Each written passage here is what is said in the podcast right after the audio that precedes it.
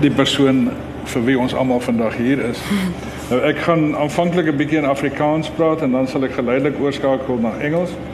Hoopelik onopsigtelik, maar ehm uh, dit moet gebeur. Ek sal verkies om my vrae vir Karina in Engels te vra want sy sy is meer vlot in Engels as in Afrikaans. Ehm um, ek het Andrei Brink in 1976 ontmoet as joernalis by die Broederstroomse Beraad van die Afrikaanse Skrywersgilde. Ek het sy skryfwerk geken en hom bewonder op 'n afstand sedert my matriekjaar in 1969 toe ek die ambassadeur gelees het. Ek dink meeste van ons se uh, uh, ondervinding van Brink is van ambassadeur of Lebola van die lewe af. Ehm um, daarna het ek nou om gaan luister by die beroemde Skomerskool wat eerwaarde James Polly in 1963 by Universiteit van Kaapstad gereël het uh oor die 60ers. En toe het ek as baie jong nuuskierige student die hofsaak bygewoon waar Andrei kennis van die aand moes verdedig voor regters van Wykstein en Dimont. Ehm um, deur sy aktiwiteite in die Afrikaanse skrywersgilde het ek 'n groot uh waardering ontwikkel vir sy leierskap. Ehm um, in daai geweldige opwindende en remoerige vergaderings van die skrywersgilde en sy besielende leierskap met die stryd teen sensuur van destyds is iets wat almal in die journalistiek baie sterk aangespreek en aangegryp het. Ek dink die feit dat Andre die Afrikaanse koerante mettertyd almal aan sy kant gehad het in die stryd teen sensuur getuig nogal baie van sy integriteit en leierskap. Van 1989 af het ek by iemand in 'n sou uh, myself bevind en hom as outeur leer ken. En deel deur ons gesamentlike belangstelling in onder meer rugby en tennis as vriend ook uh om van nader leer ken. Uh over the years I came to realize that Andre in love was happy and that Andre out of love was not. In the first period of my association with Human and Rousseau, he was married to the fourth Mrs. Brink, Maresa. There never was any doubt about the influence she had on his writing. A student of his work will be able to determine the gradual shift in his approach to the female characters in his books during the 90s towards a rather feminist viewpoint. But by 2003, it had become apparent to me that something was amiss. It was difficult to determine what the, when the marriage broke up. Andre never was one who shared such information with anyone. Uh, te oordeel na sy romans Donkerman en Voor ek vergeet wat respektiewelik in 2000 en 2004 gepubliseer is, was Andrei nie in nie verlief nie. He was out of love. He only confirmed the dissolution of his marriage to Marisa after the publication of Donkermaan. But he had been living apart from her for at least 2 years. Then, towards the end of 2004, we went to lunch at the Five Flies in Cape Town, in Keerom Street, and he was bristling with energy and good spirits. Now, you must realize that Andre did not indulge in more than two glasses of wine over lunch, ever. But that day he was on a roll without the aid of wine. The reason soon became apparent. He had met a Polish girl in Salzburg and she was foremost in his thoughts. He was absolutely intrigued by her and was open and honest about the joy she had brought into his life. The interest developed into love. And now, thanks to you, make me possible, we have the opportunity to see exactly how the transformation of Andre Brink in 2004 and 2005 happened and who caused it. Andre wrote about Karina in his autobiography, as you'll remember. But as always happens with such recollections, we, the readers, get a distilled version of things. You make me possible changes all of that. Now, Karina, let's start with the title first. It's an intriguing title. How did it come about? Uh, in, in reference to what you said before about the influence of, uh, of Maresa on Andre's work, I think it's an incredibly important uh, fact to acknowledge, uh, especially his, the, uh, his feminist phase, as one could possibly call it. And um, for me, the time when we spent together, I, I remember worrying in the beginning and saying to Andrei, you know what, a lot of creative people, when they are uh, happy, they are not as creative as when they are unhappy. And are you sure that our love will be good for your writing? And, and he always assured me, yes, yes, uh, I, I can write under any circumstances, but obviously it's better to write and be in love. But I still think that um, even despite the fact that we were both writers, my my influence in his life on his writing was really minimal, I think. Um, he, he always trusted my judgment, and we, we shared everything that we wrote during the relationship, and we were always each other's first readers. But um, uh, I don't think that I brought anything new or anything of real significance into his work. But you make me possible, that phrase actually does come from me, but it features in one of Andre's books. Mm. And, and it was something that I must have, unbeknownst to me, during that uh, first year when we were together, uh, I must have said to him in the course of a conversation. And then, only about a year later, when the book The Blue Door was published, I was reading the, the manuscript and I came across that fa- phrase and I said to him, without knowing that I was actually referring to something that I've yeah. said, I said, You know what, this is really beautiful. And he said, Oh, yes, I also think so. You said it to me. And, and so it, it stuck then.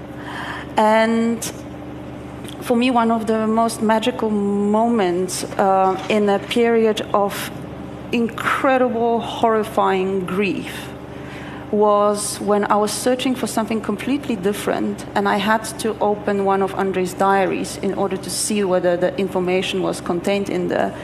And I, and I opened it just on a random page, and there, I think it was the 15th of July 2005 it said, Karina, column, and the quote, You make me possible.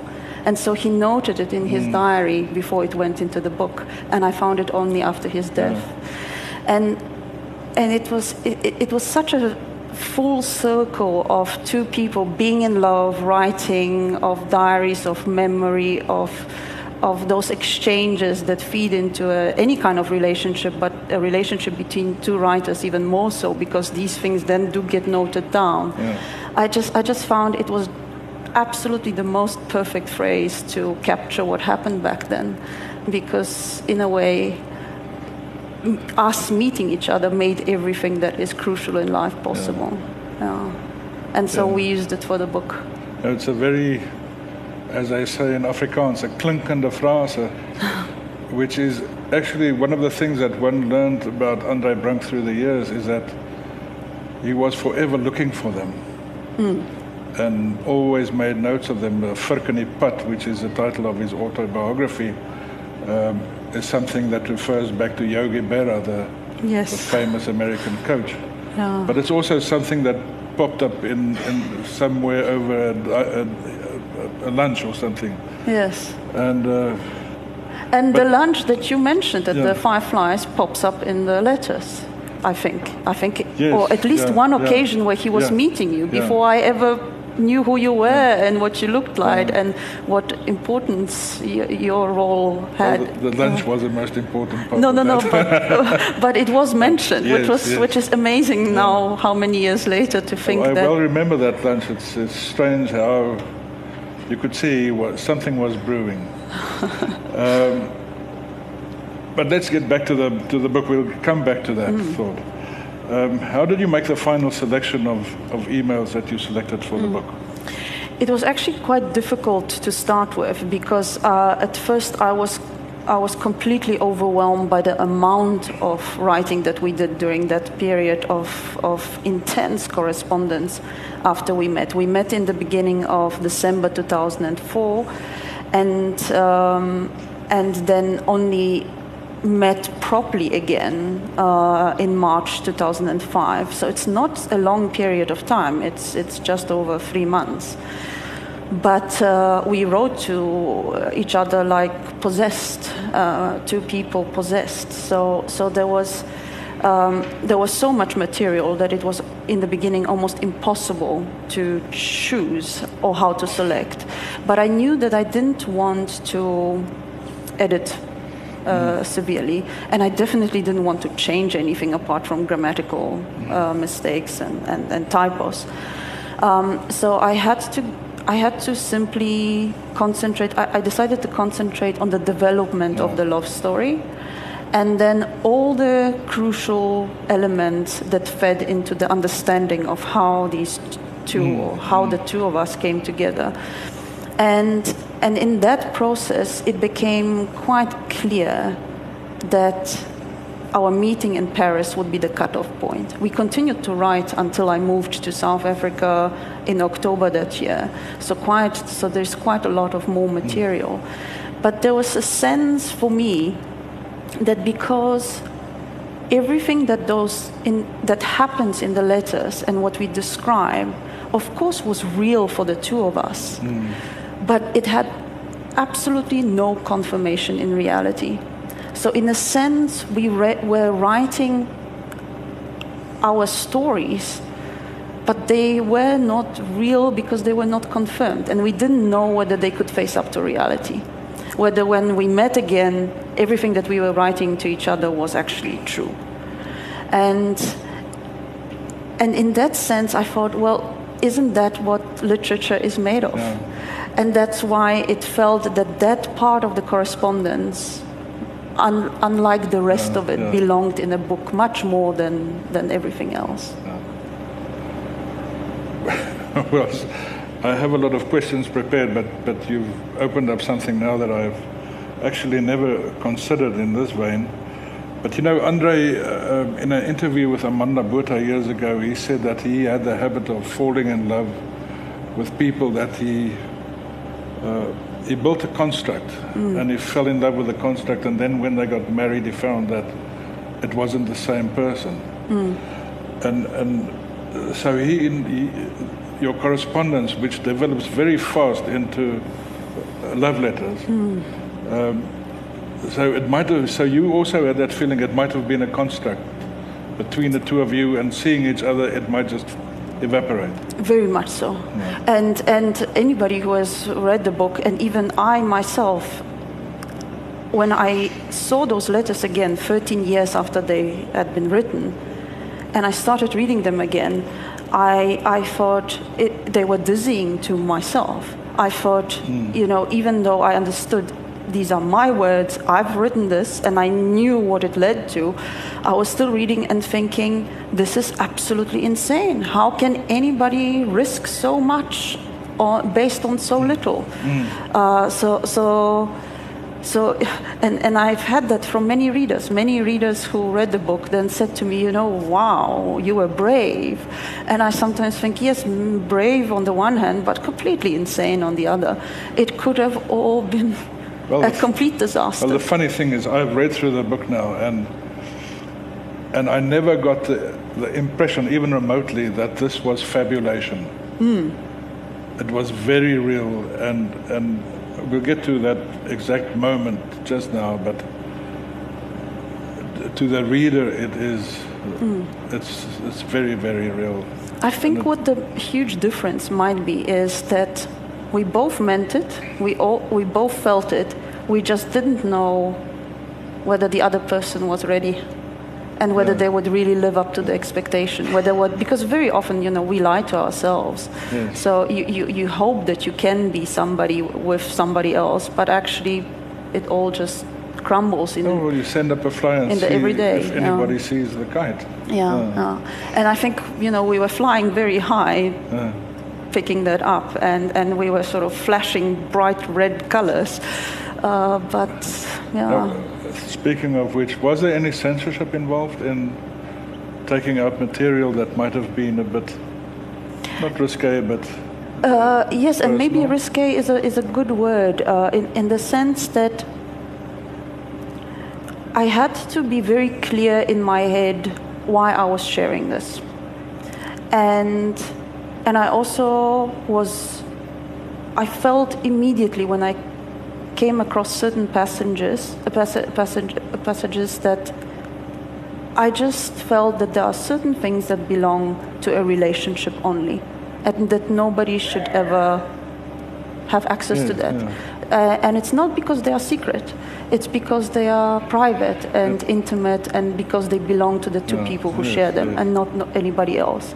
So those passages I've taken out, but I didn't want to take out the intimacy completely. So there is an indication of longing, of desire, of, of dreaming up you know, kisses or caresses, Yeah. because I wanted to have that because it was such an intense part, or is an intense part of any kind Yeah. of um, uh, love letter writing.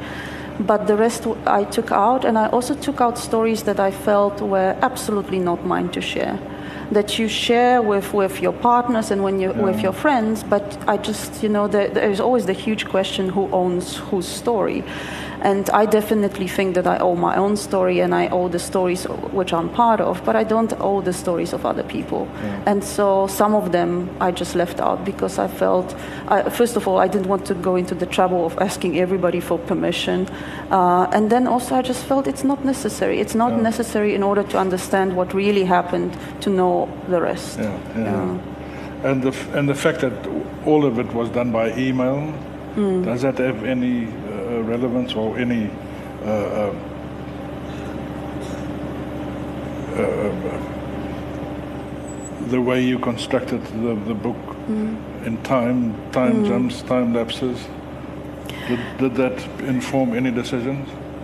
Uh, a little bit, and and it really only struck me afterwards that in a way this book I think is like a like a link in a chain of experiences because most of us uh, who have ever read love letters published in books are used to that idea of them being written by paper. Uh, So, so they would be written by hand and sent, and there would be a post office, maybe ships even involved in the olden days. And, and now emails are so incredibly immediate, and yet, because Andre and I were both so careful about words, um, we could have written these on paper as well. So we actually looked after the quality of the writing as well because we, because we were so mm. conscious of we wanted to also appeal, especially I wanted to appeal not only to the Andre the mm-hmm. man but mm. Andre the writer. So I did take special care. Mm. But I also thought moving forward that a lot of people say, well, now that kind of thing is lost because we don't l- write love letters to each other and definitely not by hand, and emails are such an elusive thing and they get lost and, and most people don't take mm. care. But we do something else nowadays, which, which I haven't done, but, but a lot of people do, and that is we, because of online dating and online hookups, most or a lot of relationship between people nowadays happen in words first. And, mm-hmm. and maybe they are not intense long love letters, but they are, they are a form of getting to know each other f- purely through correspondence and through words. Yes, yeah. And I like that, that idea that maybe in the future, who knows, two writers might publish actually those, I don't know, WhatsApp exchanges. It mm. could be fascinating to see what kind of book Yeah. could could be produced from that. And and, and this this I, I, I somehow felt and you can see it also in the in the way the letters were typeset because this is how I then tried to make them look. I removed some of the elements of how an email heading would look like Yeah. because I wanted to make them look like the old fashioned letters. I didn't want to deny where they came from, but I felt that they had that, that quality of, of handwriting in them. Well, just on that point, uh, they say in Japan most of the relationships, uh, or the biggest percentage of relationships, are carried out via the Screens. internet and screens and mm-hmm. telephones, cell phones, and less and less of them advance to a physical stage. Mm-hmm. And in that mm. sense, I think it's an incredibly important um, well concept to understand nowadays because mm. this is the way we get to know each other. Maybe it's something that we should invest also in understanding how that influences then the future relationship. Well, I think vir die Afrikaanse mense die opsetkers is vir ewig verby. Um just if let's get to that magical trip the first time you met from Vienna to Salzburg in November or December 2004. Um, what happened on that? Because you forever uh, referring back mm. to that trip, but what exactly happened? Not much, uh, or almost nothing. Yeah. Uh, so what, what my role was, um, I was a co-organizer of the conference uh, to which Andre was uh, invited. And then we booked him on this terrible, terrible flight. So he had to go via all kinds of places. And he arrived in Austria, in Vienna. And Austria is tiny, but still, in order to get from Vienna to Salzburg, you have to cross, usually by train, 300 kilometers. So virtually the length or the breadth of the company, country. Yeah. Oh, almost. Well, it's it's a little bit so because it's yeah. sort of bottle shaped. It's yeah. longer that way. But but here, the, the the top of the country, so the north of the country, that's the whole width, and and I, during the deliberations of, of, of, transport and organizing everything, I said, you know what, after this horrific flight, uh, maybe we shouldn't ask this poor man to have to figure out that he lands at the airport, somehow gets to the train station, and then somehow finds his way to Salzburg. Maybe just somebody should go and pick him up. And, and my Dr. Mama, as we called her, my uh, supervisor, uh, PhD supervisor, said, Well, Karina, you are the perfect person to do it because you have read some of his books and you are not going to embarrass us. And so I said, Okay, fine, I, I will go. And that's how I found myself there. And so my role was really just to put him on that train and bring him safely to Salzburg. And, and I was quite nervous about this because it was the first time ever that I met somebody of that stature in the literary world in person and that I had to interact with. And, and I am, uh, I can do these things in public, but in private, I am an, quite a shy person. I am a complete introvert and I am not good with people and, and not good with strangers. So I, I find those situations quite stressful. And I didn't know this about Andre, but he's exactly the same. So he was also quite stressed about this thing that he would have to spend now three or four hours in the company of a complete stranger after a terrible long flight. And so we both anticipated this, that this was not going to be a pleasant mm. thing. And yet, at the airport, he came through that, you know, arrival door open. He came out. I immediately recognized him from photographs. Um, and I was immediately impressed. I thought, you know, for a 69 year old, he really looked amazing. and after a trip like that, so, so I had that, I had that very womanly response of attractiveness. I immediately thought, wow, what a man. Um, uh, and, and, and that's, you know, the first impressions, the famous mm. first impressions. But I understood the context of that situation, so that was com- immediately suppressed after that. And then I was the shy PhD student picking up this great genius of world literature. And, and Andre afterwards told me that he also found me quite appealing, but he was awfully shy. And yet, I tell you, from the moment we shook hands and we started the journey, we were so comfortable with each other mm. that it frightened us both. We didn't understand how the situation worked. And we just spoke and we had a meal and eventually he was so tired that he mm. fell asleep. And i remember him sitting across the compartment across from me and i was reading one of his books and looking at the sleeping man and looking at the page and thinking no that's not possible. I was like, wow really? And i wanted to shout to everybody you know what do you know who is sitting here and i'm reading his book so there, there was this and I think that was the magic of it, that it could have been a potentially horrific situation because just imagine we would not have liked each other. I mean, and then you have to spend yeah. four hours in each in each other's company and kind of looking out the window and thinking, I really need to sleep now. Where's my hat? Um, and it wasn't. It was just it was just wonderful, and we couldn't stop talking. And um, and and that's that is why the letters could pick up very quickly. But apart from that, absolutely nothing. So there was there was no flirting, no nothing. It was just this very comfortable, lovely train well, journey. Well, the thing is, I don't think anything. The, the, the chance that he did not get along with you was absolutely null, because Andre had this remarkable ability. That's why he was such a good person in public mm. even though he was reticent to do it, was that when anybody spoke to him, he gave them their, his full attention. Yes. And I know a very, quite a lot of people who came to me and said, Andre is such a such a great guy because I told him all about my kids and, and he listened to every word and mm. that's so he gives attention. Uh, that was one of his mm. very very great traits. But soon in the correspondence, it's obvious that his thoughts were mm. running ahead of him. You know, very often when, when and I, I find that quite remarkable at, around um, uh, dinner or lunch tables mm. when you invite people that you are not uh, familiar with, or you are invited somewhere where, where you are not familiar with all the guests.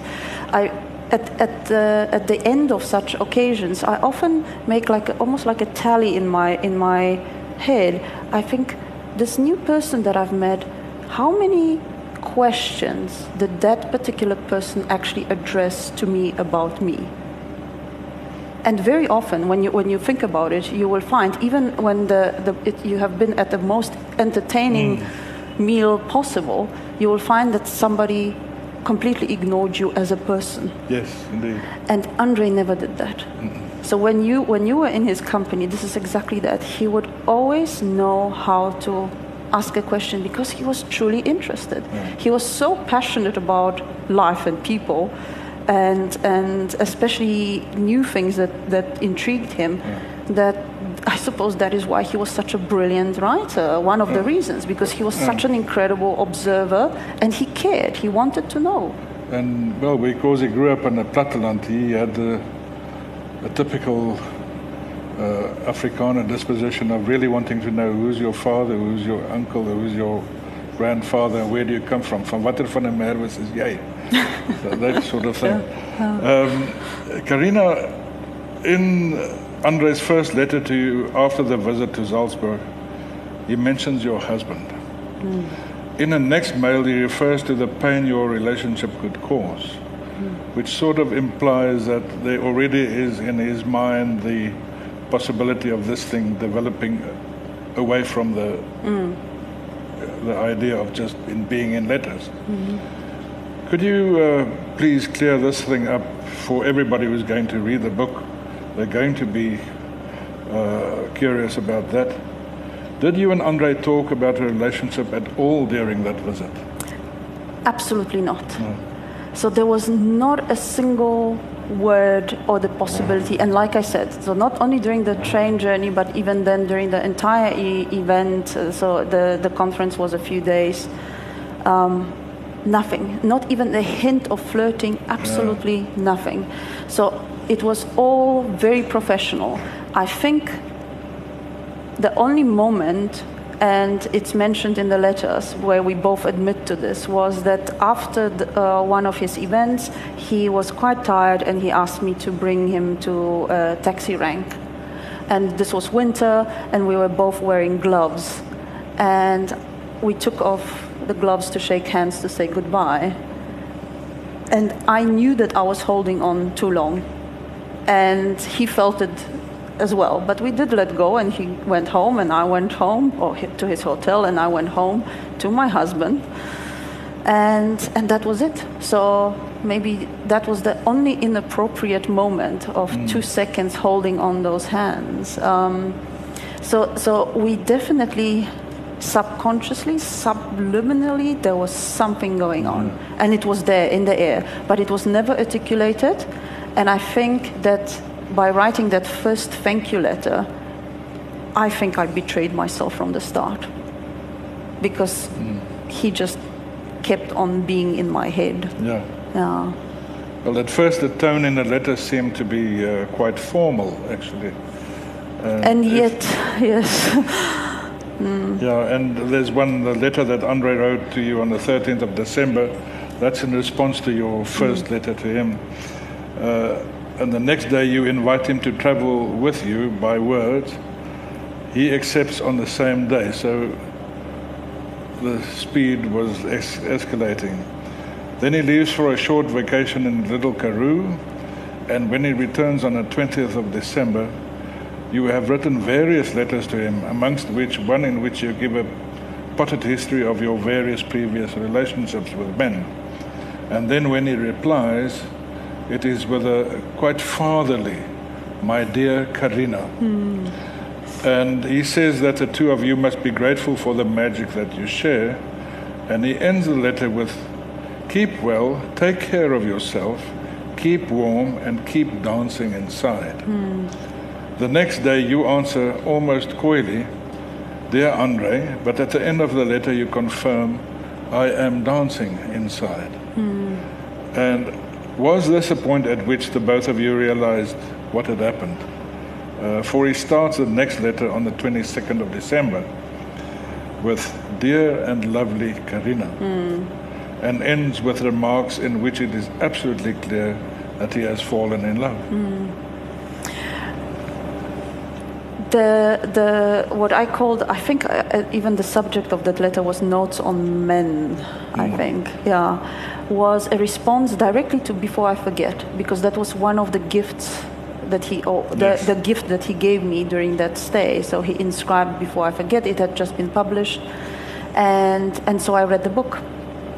And of course, the whole book is, uh, what's his name, Chris Minnaar, talking about the women of his life Yeah.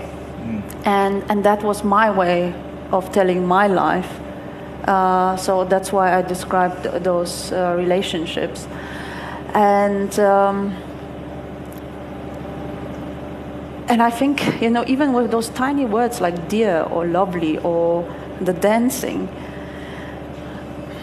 When when you are very sensitive to words and to the beauty and the power of words, it is enough that these will communicate something. Mm. And sometimes, I mean, because we are sometimes crazy but not brave enough, we do that kind of like, like, well, flying of the kite, where you, well, I'm just, you know, doing this. I am, I'm presenting myself with these little flurs of words. And if the other person doesn't pick up on that, you know, okay, well, I've, I've, I've offered something, but you are not willing to, to participate, and it's all right. It's almost like asking for consent Yeah. in a very, very gentle way. Um, and and if, if the other person reacts, reacts in a way that you don't expect, then you can still, without losing much face and without being ashamed of your revelations, pull back and be whatever needs to happen next. And I think that was the beauty of those littles, even though it progressed and rapidly, but, but those little, like, almost like fishing lines that we put mm. out and, and we caught all the fishes because we were both looking out for something and we knew how to Yeah. respond. And, and it, it is a courtship in words. And we pick up those phrases all the time. And, and now, I- now I, can, I can analyze it with a much more sober um, attitude. And I, I am also a, a critic, so, so I, I'm quite conscious of these things. But I wasn't when I was writing. And eventually, just the, the love and the spontaneity took over. Yeah, but one also sees to it that there are those little Yes. books. Yeah. You plant them yeah, yeah. And you because know, you wait for the response. of course, and, and we lie to ourselves when we pretend that no, no, no, of course not, because we do that all the time. Uh, yeah, Yeah. yeah, in all Well- kinds of respects. Yeah. Well, the thing is, on the 23rd of December in 2004, he suddenly switches to Afrikaans hmm. and writes: Karina, ek het jou lief. Dit het alles so gou gebeur. Dit is eintlik ongelooflik. Juist daarom is dit so kosbaar. Wat lê nog voor? Oktober in Noorwe. Dae en nagte van eindelose ontdekking. Alles is moontlik. Alles is hier. Jy is 'n wonderwerk wat regtig gebeur het en nog gebeur. How did you react to those words? That you you followed Afrikaans by then? Not really. Uh, not at all. Uh, I had an Afrikaans English dictionary that I got as a gift from my brother, and I had the basics of German uh, to guide me uh, with. And sorry, I'm quite. I'm I'm feeling very emotional right now because it's the first time ever that I actually heard those words spoken in the original. So they've been always in my head only. And and I just uh, I, I've been a translator for now hmm. almost 25 years.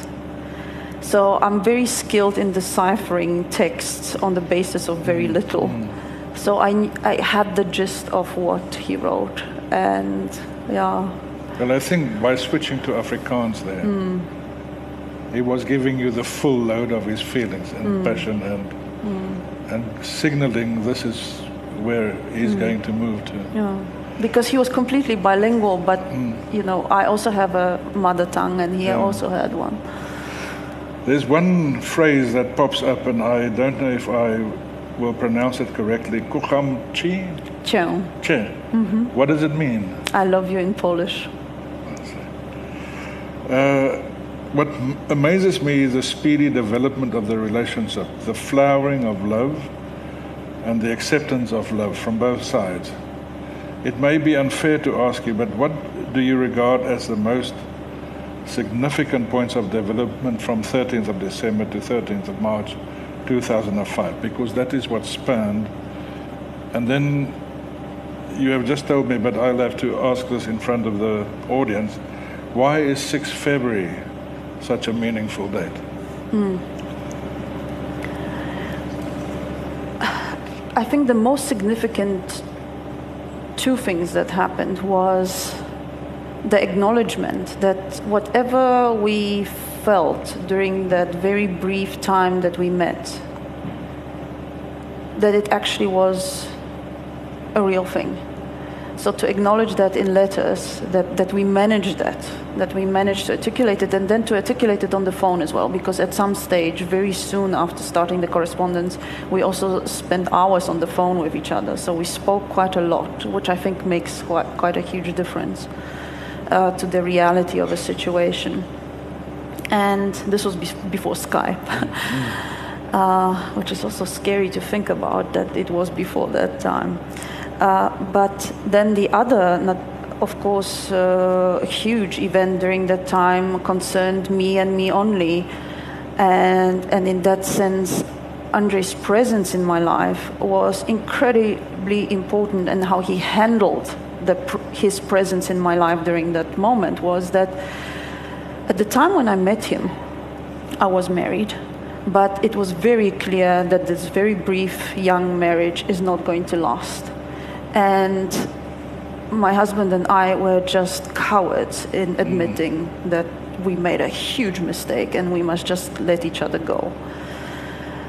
And and this was the big thing for me that during those three months, I knew I had to make a decision and I knew I had to make it for the right reasons, not because there was somebody waiting, uh, because that also seemed so completely improbable. But I had to know that no matter what, I need to do this for myself. And so I, I think towards the end of February, I should remember this. I think it was either the 22nd or the 24th of February that I was divorced. And, and the rightness of this decision conf- is repeatedly confirmed to me because on that day, uh, after the divorce proceedings, when we signed the papers in, in court, I remember shaking my first husband's uh, hand and, and asking him, Would you like to stay in touch? And he looked at me and said, No. And I said, All right, I, I will respect that. And I have not heard from him since. I have no idea what happened to him. Um, so So we, we completely, we were so not right for each other. And, and there was nothing to salvage, not even a sense of friendship, nothing. Um, hardly anybody has ever disappeared so drastically from my life. And, and I'm so grateful. Also, knowing everything that I know since then, um, that I made that decision because it was a very, very tough decision. So, those were the two things to acknowledge the one, the, this incredible possibility, but also to be able to say for myself, I've done this, this really, really bad thing. And, and to say goodbye to that marriage um, only after a few months. It was very, very difficult. Yeah. I, and yeah. and the 6th of February has a, uh, the significance of the 6th of February is is twofold. The sad part of it is that it is the day when Andre died, four years ago.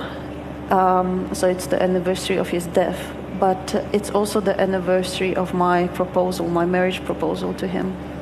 And of course, we could think- never have yeah. known, but Well, that falls out, outside of scope, but, but I think I'll, I'll get to it now.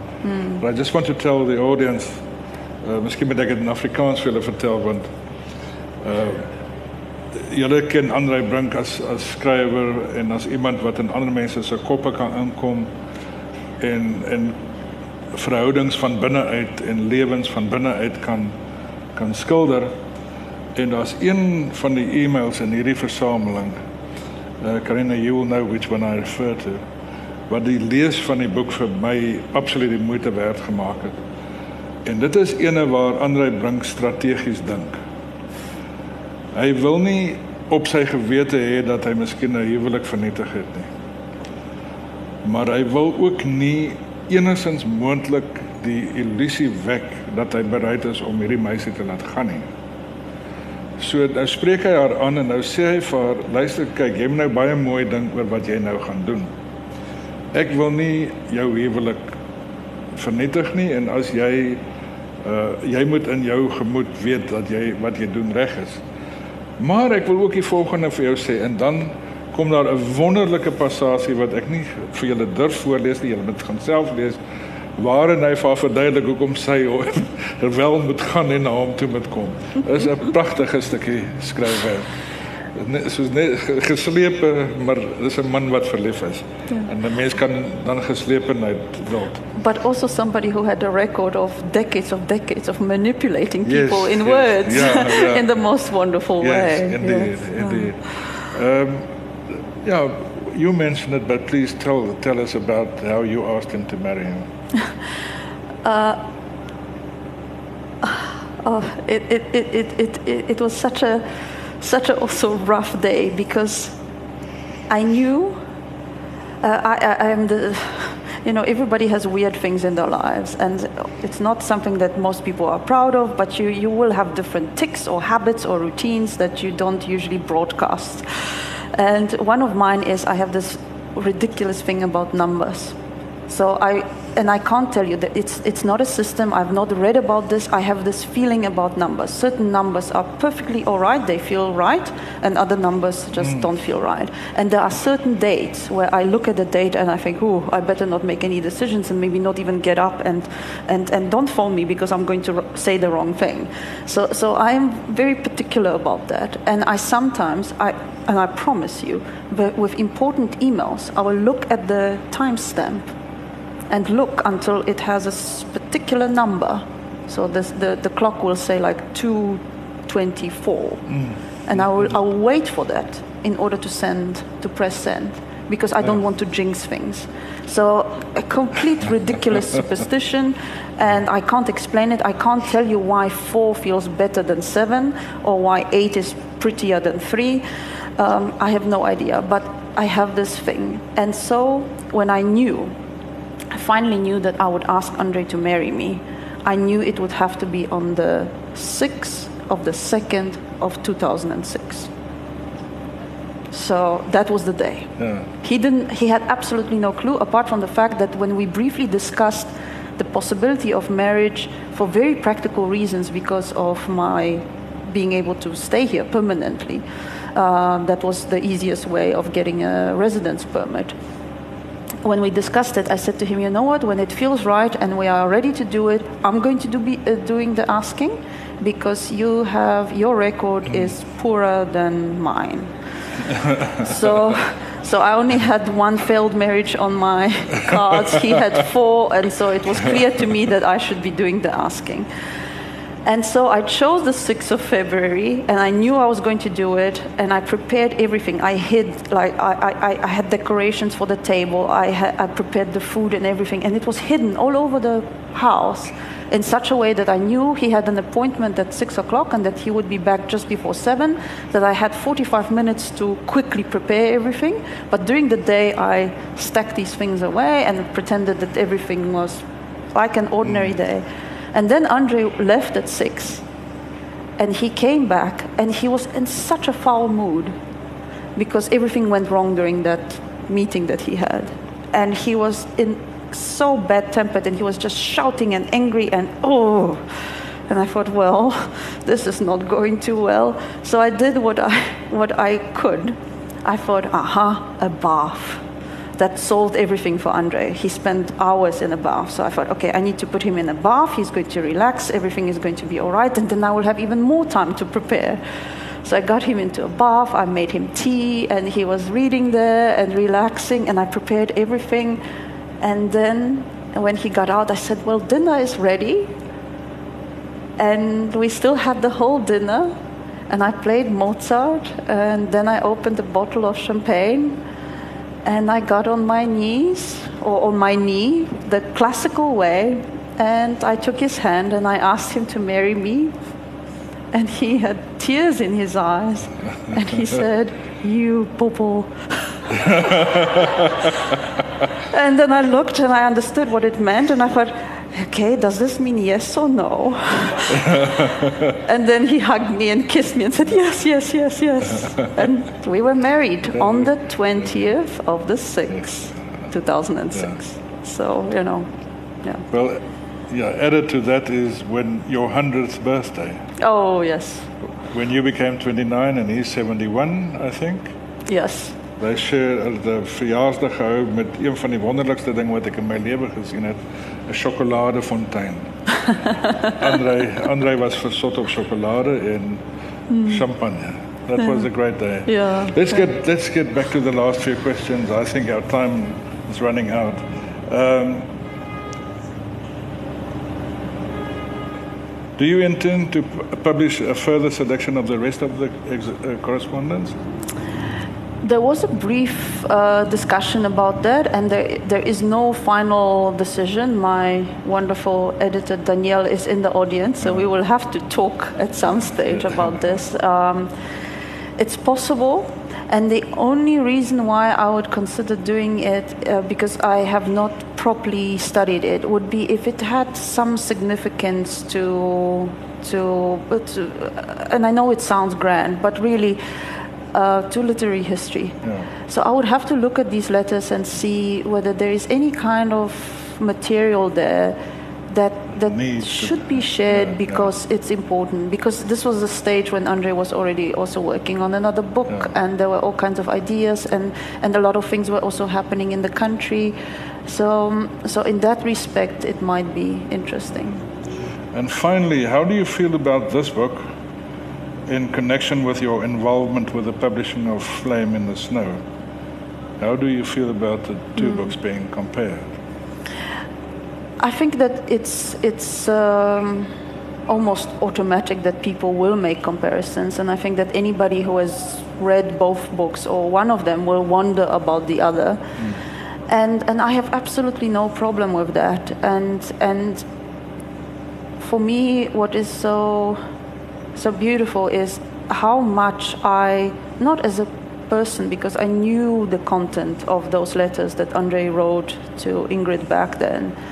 So, so they were not a, a, a revelation to me uh, as, as a person, but as a literary scholar, when I look at that wealth of that material, I think this is paradise for anybody to actually work on. Mm. And but then on a very personal level, we all know reading those letters that that the ending is not going to be good and and there is loss and death and Yeah. consequences waiting.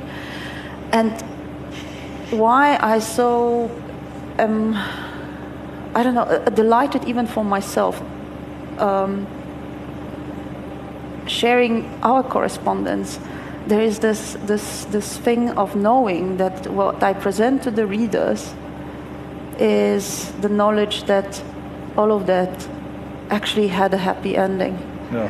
and that when you're reading this it's not going to be about loss. It's all going to be about something really beautiful and worthwhile. And and i found that very important as mm-hmm. well to almost show that that there is this possibility Yeah. that sometimes it actually does work against all odds the magic is there and we, i think we should all believe in it Well, oh, I have to thank you for, for publishing it because I, I was quite moved. It opened up another side of Andre and yourself. And, well, I think just the charm of seeing it happen in front of your eyes, mm. Having never been present at any of Andre's infatuations, this is the clearest idea that one can get of Andre as a passionate person. Mm. And I think that's it's really thank you very much for that. Mm. I think that is all that I can ask at the moment. Is there is daar enige vrae?